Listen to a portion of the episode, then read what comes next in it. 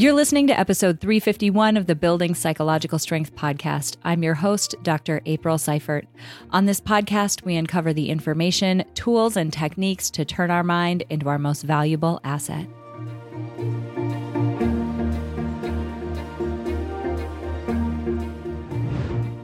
Hello, everyone, and thank you so much for joining me for this episode of the Building Psych Strength podcast.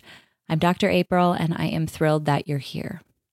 You know, it's no doubt that in our lives right now, we face a lot of adversity. I mean, personally, like just individually in our lives, we all face our individual personal challenges.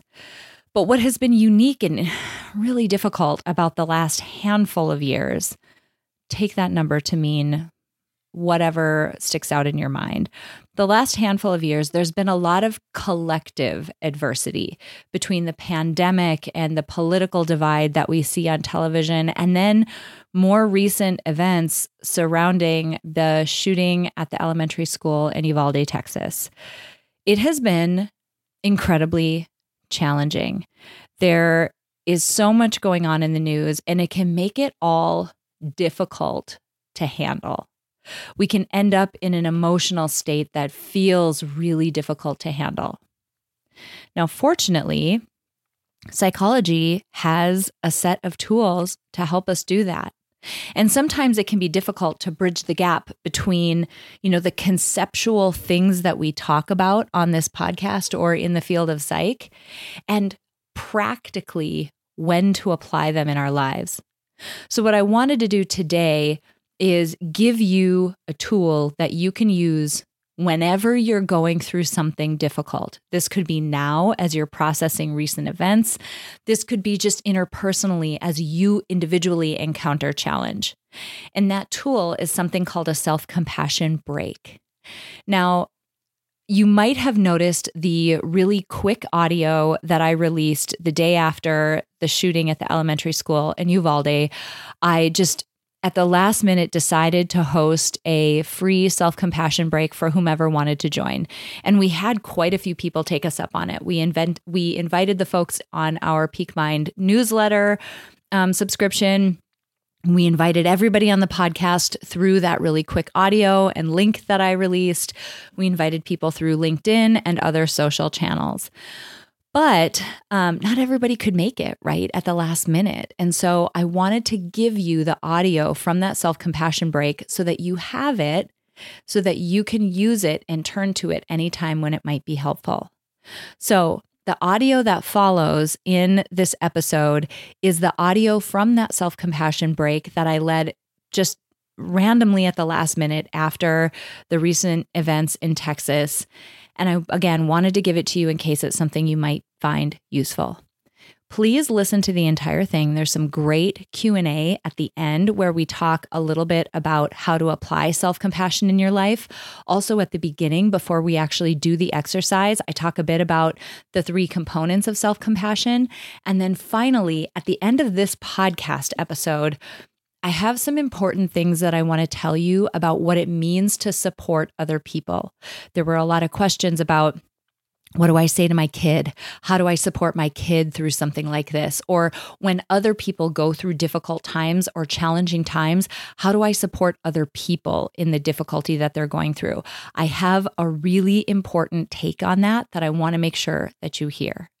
So hang out, Run through this exercise, the self compassion break with me, and then stay for the end for some important information about how to support other people when they're going through difficulty.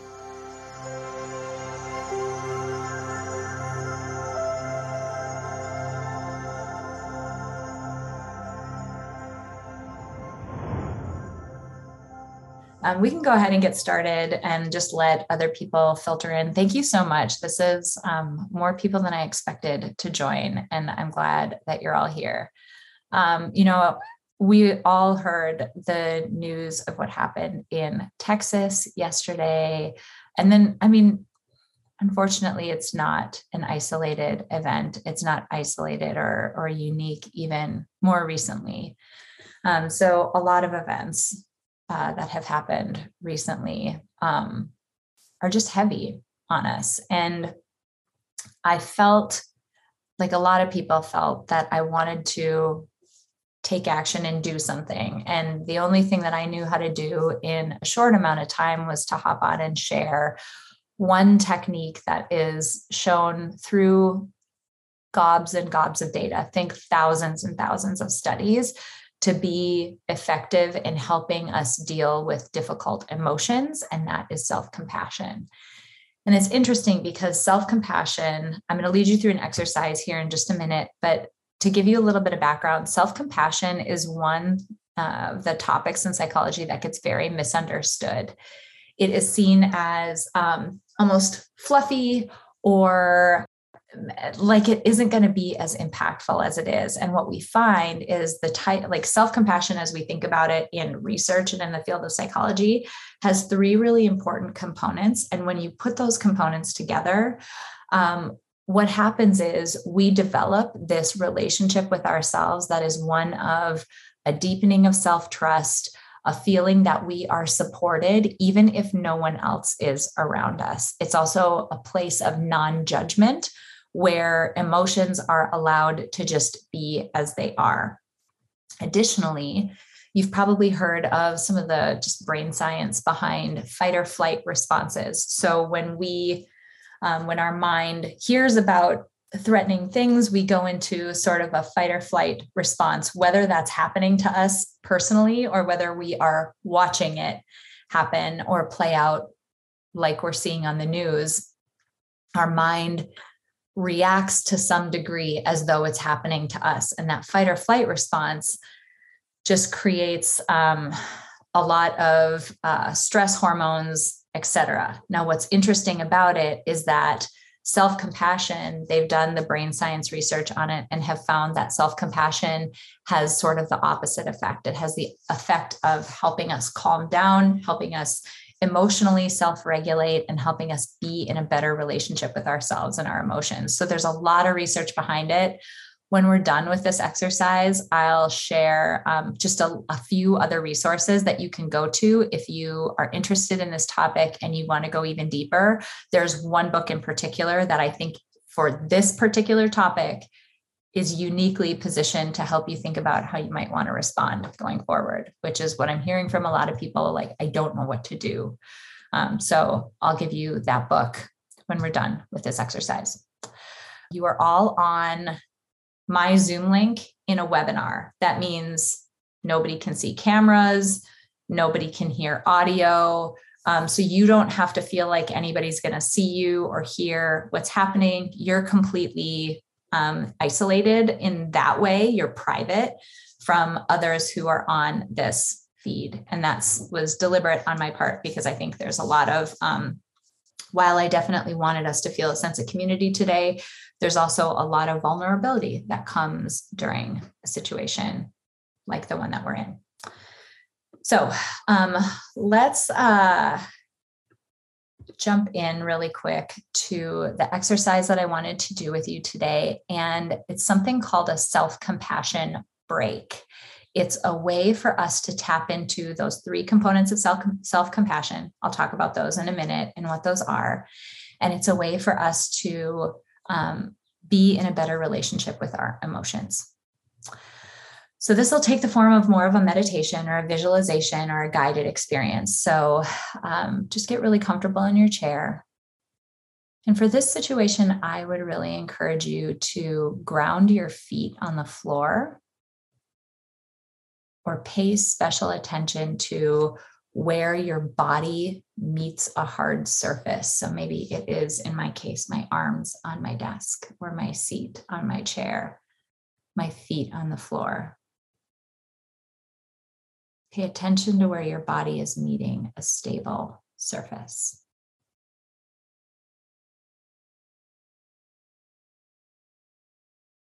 And just do a quick body scan about how your body feels. Feel it like it's a field of energy. Where do you feel like you have more intensity and maybe less? Don't forget to focus on your back as well. Lots of times we focus forward because that's our point of view. But focus on your back, your whole 360 of your body.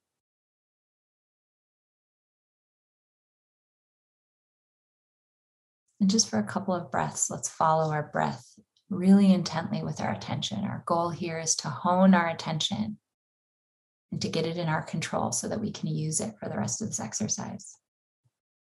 So, for your next two to three breaths, pay attention to your breath, especially the space in between breaths before you inhale and before you exhale.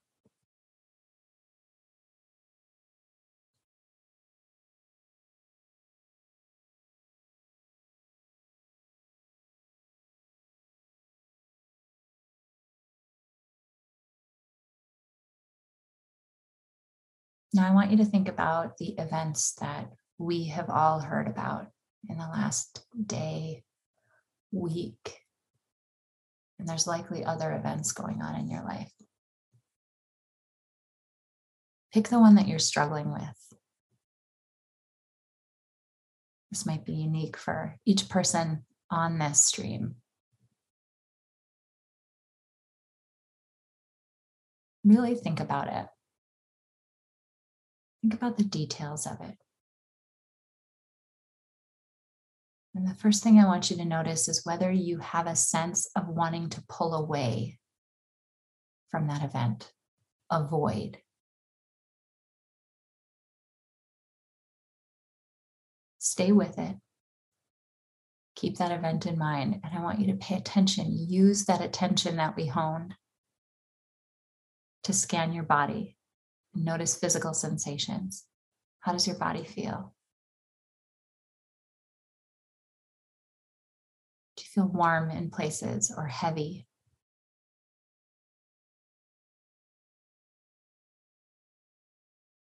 How about emotions? What are your emotions surrounding that event? And think about specific emotions not bad or awful. Think about it specifically. Is it fear? Is it anger? More specifically, hatred? Disbelief? Sadness? Confusion? jealousy, disillusionment. Put a name to those emotions. Scan even further. Is there anything positive there? Do you feel any gratitude?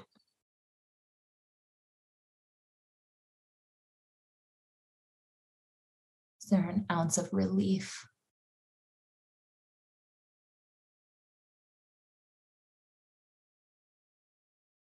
Take a moment to be really present with those emotions. And if you feel that sense of wanting to avoid or pull away, remember you are bigger than any emotion that you feel. Your capacity to feel difficult emotions is bigger than any emotion you can experience. Take just a minute to tap into those emotions.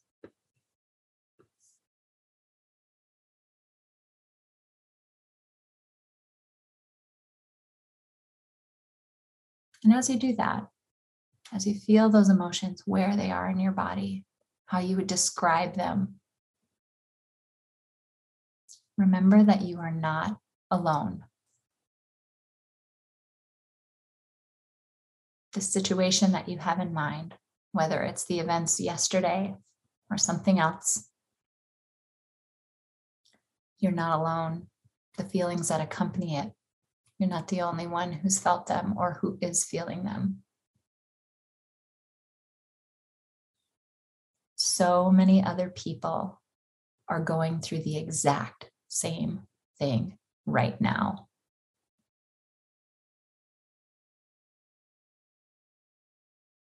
And if you think about those other people, how do you think they feel? Probably pretty similar to you.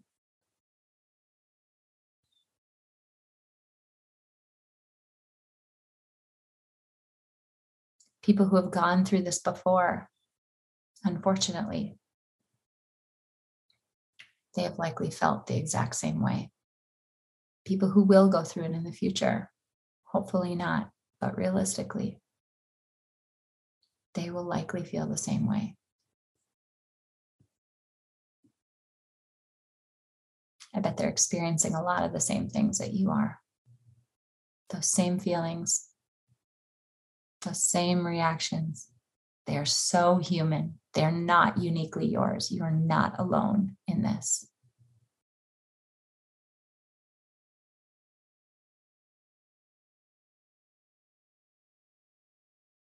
I want you to turn your focus on yourself. I want you to physically give yourself some kind of kind touch. Maybe you're going to put your hands over your heart, press on your chest just a little bit. Maybe you're going to squeeze your arms and give yourself what feels like a hug. Maybe it feels really good to just cup your face in your hands. Or maybe if one of the feelings that you had previously was anger, think about making a fist, putting that fist on your chest and holding it.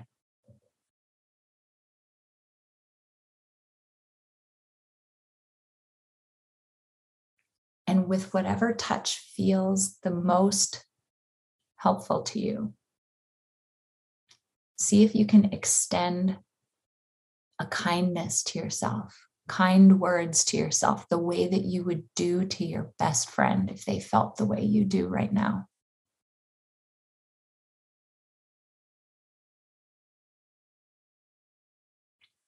What would you say to someone else who's facing the same problem?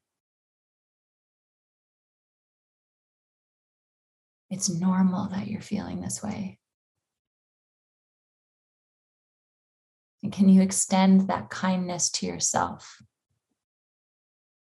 an understanding, a support that says, I see you, I get you. This is hard. You are bigger than this. Can you say the same thing to yourself? I see you. I get you. This is hard and you're bigger than this.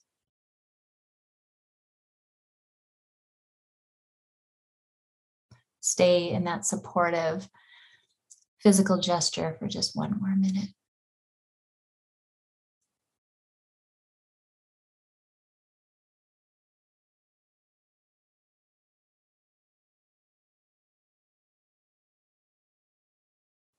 And when you're ready, go ahead and open your eyes. what we just went through um, involves the three components of self compassion.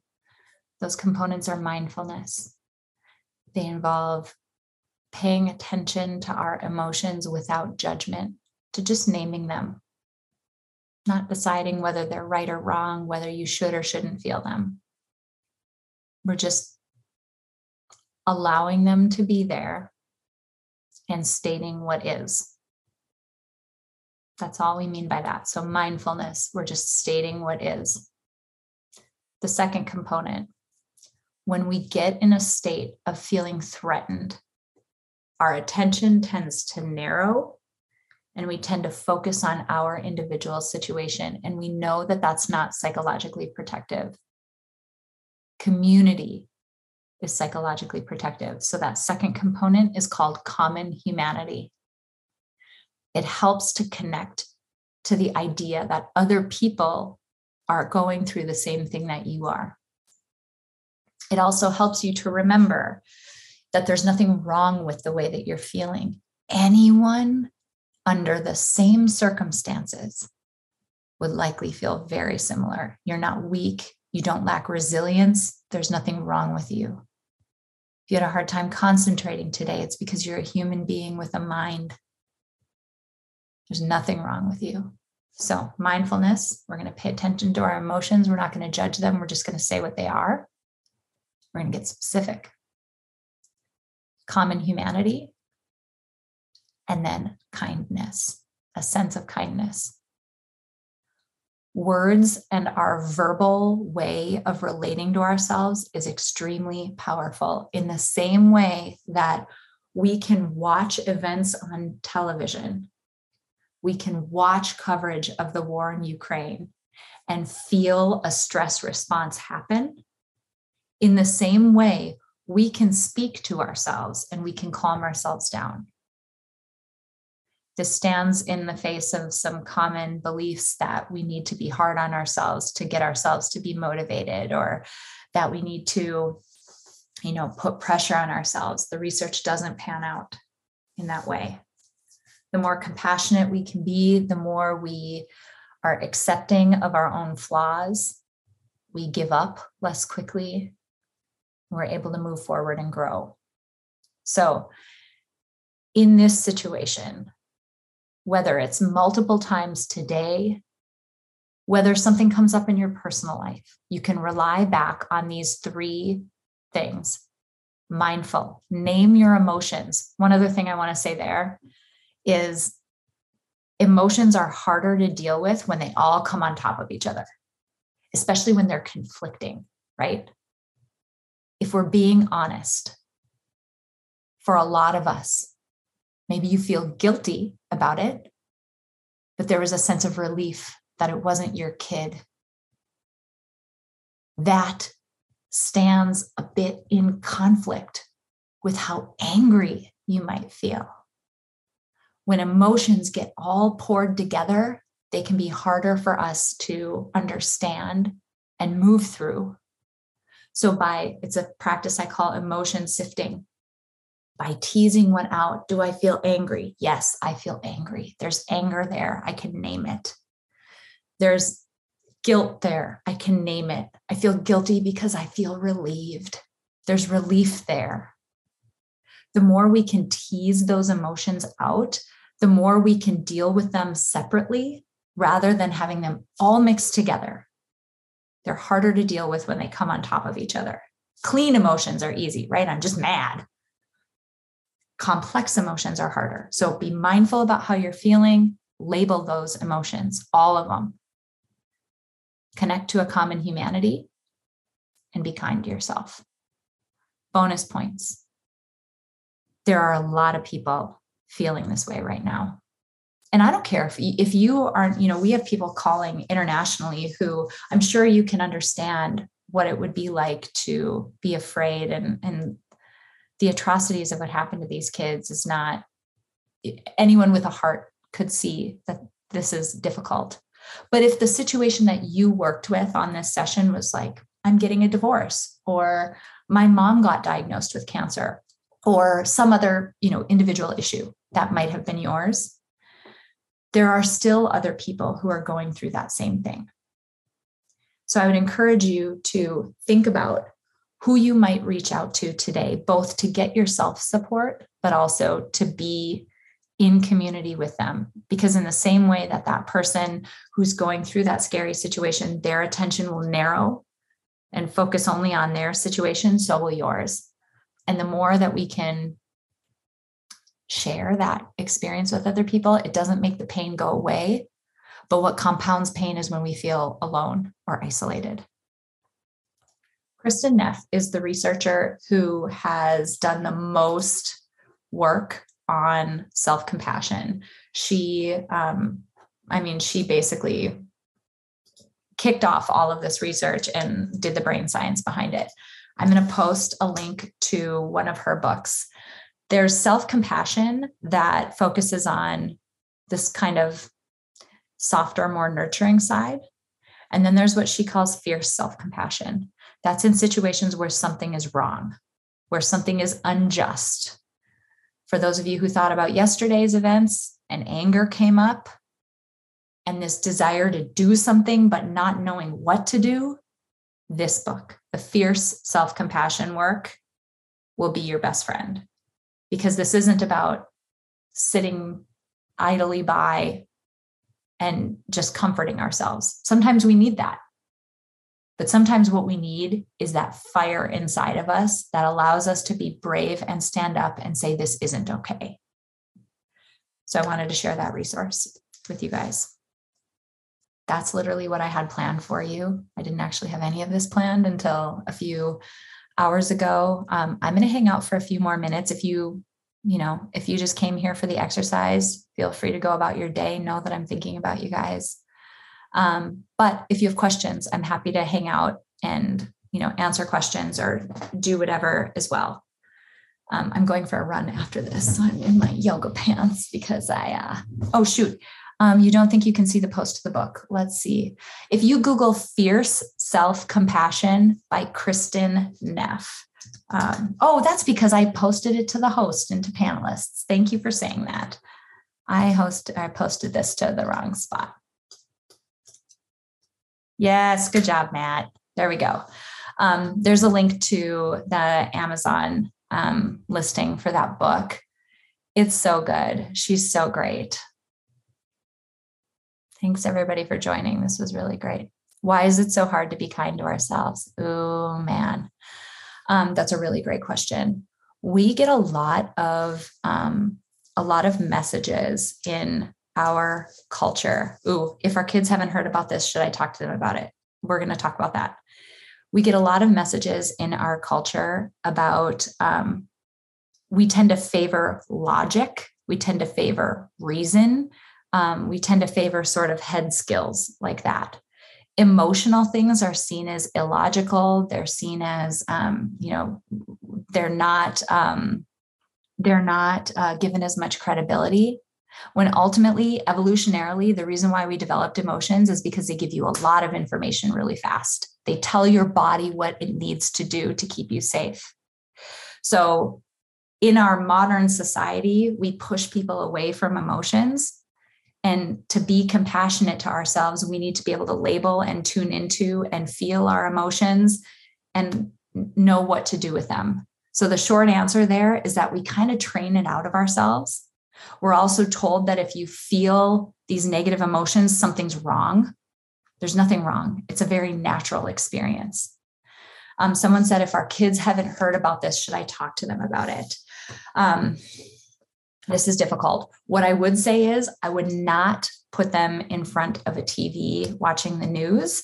Um, it is deliberately inflammatory from the colors they use to the font that they use to the repetitive nature of it having a compassionate conversation that involves a lot of like closeness and only the age appropriate facts that maybe they would need to know would be my advice. So um, maybe belaboring the fact and also um, details that they might not need to know. So if your kids are very young, um, I have a three, almost four year old. My conversation with her would likely be something, you know, if she hears about it at all, um, might be something like, hey, you know, a bad person did some bad things to a kid, to some kids. I want you to know that I love you. I'm here for you. I'm going to do everything that I can to keep you safe. Your teachers love you. If you ever need anything, you can go to them, you can go to me. So the detail that I would share with her is a lot less than even maybe I would share to my six year old. Matt asked, What questions would you lead with to reach out to others to offer support, especially team members at work? One of the greatest things I saw happen today is a set of emails that literally just one, like gave people permission to be human beings having a human experience. So I got an email from this is a very large brand that I work with in my company. And surprisingly, there were, I mean, like if I said who this was, every single person on here would know exactly who it is. This person sent this email out with a bunch of people from their organization on it, a bunch of people that I was working with on it, partners. I mean, like there were a lot of people on this email. And he just said, Hey, this is a hard day. Just made a statement like, Let's just say what everybody's feeling. This is a hard day. And if anybody needs space or they need to reschedule, it's okay. you can also come and talk to me. So what I what I think is great about what he did is he put words to what other people were feeling. He called it out and just named it and then gave the invitation at that point. Because sometimes if we lead off with an invitation, other people kind of fall in line to the social niceties of, oh, no, no, no, no, I'm okay, you know, like the professional piece of it. Um, I think leading with a place of empathy and being able to say, hey, um, almost like a statement of what we're going through is uh, is a good way to open the door and the principles of mindfulness. Yeah. Oh my gosh those three components if you can hit all three of them and if you can do it regularly so that this is how you talk to yourself like hey that meeting at work didn't go as well as you wanted it to. I feel disappointed. Yeah i feel disappointed about it. But you did your best. You tried your hardest and anybody in this situation would also feel disappointed. It's okay. You know what? You got this and you're going to work harder next time, or you're going to try blah, blah next time, or you're going to reach out to this person next time. Those three components work across the board. Um, I have two daughters, 12 and 14, navigating how to talk with them tonight. I'm planning to start with holding space for them to express their emotions and then share that I feel similar and express kindness toward them. Those three components work when we talk to other people. And it's funny because we do it naturally for other people. Like, of course you're afraid. Yeah. Those were kids that were kind of like you, yeah, that would be scary. You know, and balancing that type of conversation with just some of the realities of it that it's a it's a situation that feels very salient to us because it's been all over the news and it's horrifying. The likelihood that it'll happen tomorrow in your school small but also still scary, right? So we're like juggling that yin and yang of like, this is a highly emotional situation. Um, it's tough. But yeah, holding space for them, same deal. Name emotions, connect to a common humanity. I bet a lot of the kids at your school are feeling that way today. I bet a lot of kids at school are feeling scared today. And then a kindness. I'm here for you. I love you. You can always talk to me those same three steps. Any other questions that I can answer? Thank you guys for coming. I appreciate it. I mean, flat out, I, I needed this today. If you listen to the podcast episode, um, I literally had I had my AirPods in, and I I don't I did not have my like giant podcast mic on me and I just threw something up there that was like three minutes long and it sounds terrible and whatever. And I'm like crying on it, but I just needed this too. So um, I appreciate you guys all for being here. It's um, it was really great. Thank you guys so much. Please take care of yourselves, take care of other people, reach out to other people. Please, please be a support to other people. Keep those three things in mind. Um, and I mean, connect with me, however it is that you found out about this. Um, just stay in contact. All right. Thanks, everyone. Take care of yourselves today.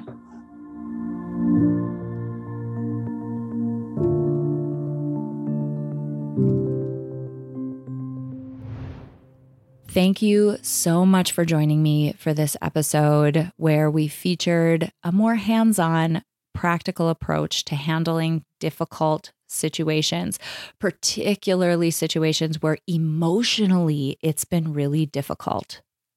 There's one extra bit that I wanted to cover. Instead of directing you to other podcast episodes or whatever, I just wanted to address one really important factor before we close this episode out because it's something that I hear kind of under the surface from a lot of people when they are curious about how they might support someone else going through something difficult. So you heard it in the questions at the end of the self compassion break. How do I talk to my kids?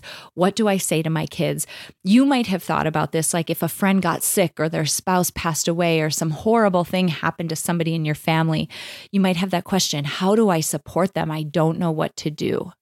And that's a very compassionate question, right? The fact that you're asking it means that you want to support this person in a way that might help. And it's also a question that doesn't completely reveal the whole story of what we're asking. At the heart of that question, what we say, what we say out loud is, How do I support this person? But what we mean many times under the surface in situations like that is, How do I make this person feel better? What we're trying to do with our best interest in mind, that person's best interest in mind, we're being compassionate and empathetic. We want to make them feel better. And I want to say a quick bit about that, that intention, that desire, because it's one that gets in the way of people actually supporting and helping others. So imagine that you know, a friend or someone has gone through something or is going through something incredibly difficult and you want to support that person. The fact that you, and this is another thing I hear I don't know what to say, I don't know what to do. The part of that sentence that we aren't saying out loud is I don't know what to say to make them feel better. I don't know what to do to take the hurt away. And because we don't know what to do to make it feel make them feel better or take the hurt away, we end up doing nothing. We end up not supporting that person because we feel completely frozen in place, like nothing we do is going to help. Now, here's my hot take.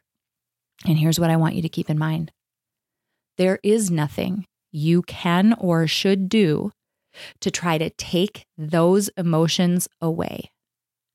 You cannot make a death, an illness, a shooting, incredible adversity, you cannot make it more palatable.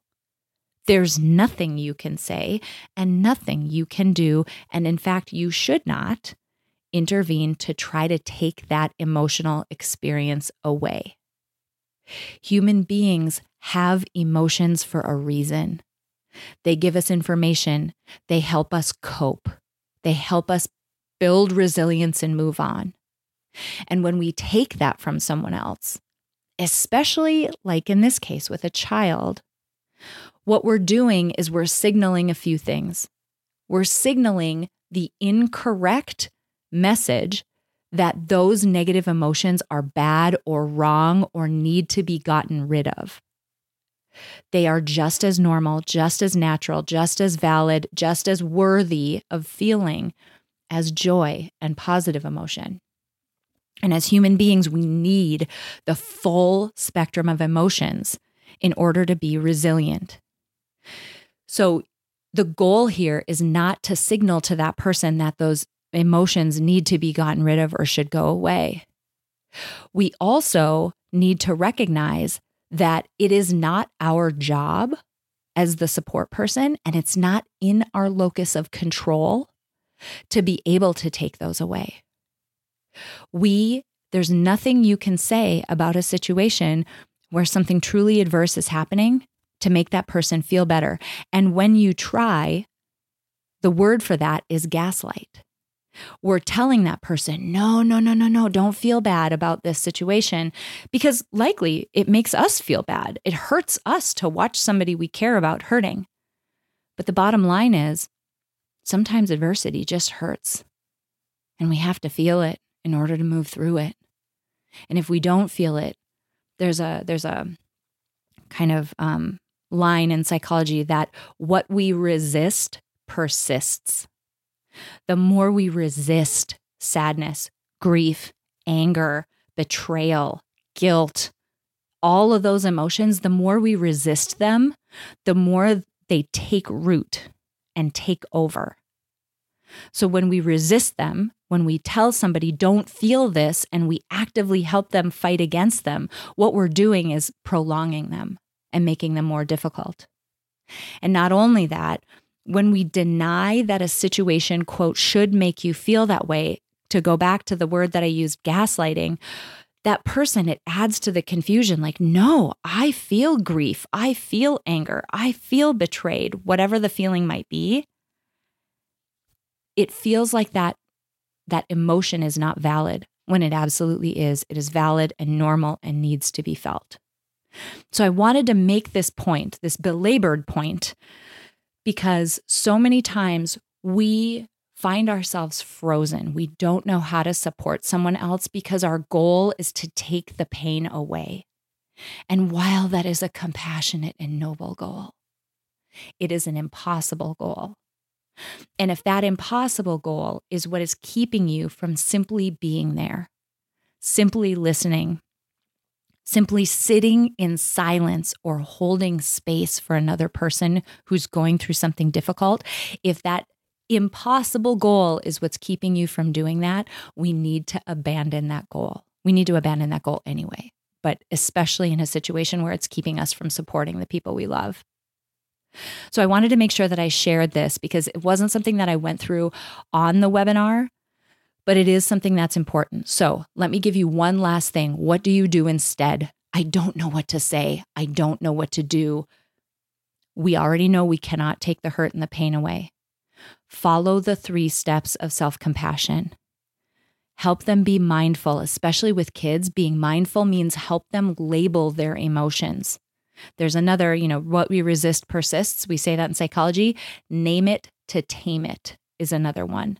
Labeling your emotions is an incredibly effective way to help you sort through them. It doesn't make them go away, but it makes them more clear and more easily understood. And that's huge. So, the first step in self compassion is getting mindful, just being aware and just saying what's happening. That can be incredibly helpful. If you are an outsider in a situation where you're supporting someone else, you have an incredibly strong ability to look at that situation more clearly than the person who's in it. And so you might say things like, you know what? It sounds like you might be angry. I could understand why you might be angry. You sound sad at the same time. Of course, you're sad. So, helping that person put names to what they're feeling can be incredibly value valuable. Step 2, once we've named it, once we've gotten mindful, self-compassion says connect to a common humanity. Of course you feel angry.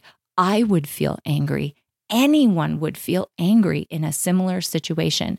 Let them know that their feelings name them and that they are absolutely normal and that any person in that situation would feel that way. And then finally, offer a kindness. I'm here for you. You can call me anytime. I am not going to feel overburdened by you calling me and wanting to talk about this. You are strong. These emotions are hard, but you are bigger than these emotions. So, self compassion gives us those three steps for taking care of ourselves, but they are also a blueprint and a roadmap for helping other people, even though we can't take the pain away.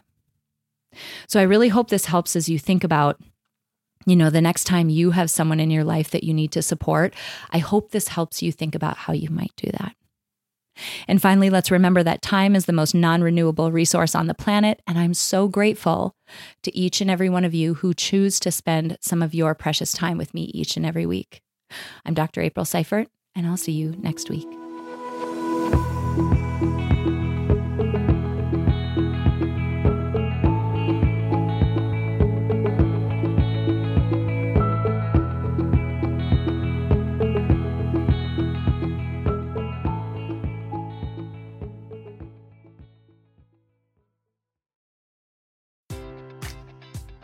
Enjoy all your favorite sports like never before at BetMGM. Sign up using code CHAMPION and receive up to $1,500 back in bonus bets if you don't win your first bet. When you register with BetMGM, you'll get instant access to a variety of parlay selection features, live betting options, and the best daily promotions in the business. And with BetMGM at your fingertips, every play and every game matters more than ever. Remember to use code CHAMPION and receive up to $1,500 back in bonus bets if you don't win your first bet. Place your money line, prop, or parlay bets with the king of sportsbooks today. BetMGM and GameSense remind you to play responsibly. See BetMGM.com for terms. 21 plus only, Virginia only. New customer offer, subject to eligibility requirements. Rewards are non withdrawable bonus bets that expire in seven days. Gambling problem? Call 1 800 Gambler. Promotion, promotional offer not available in Washington, D.C.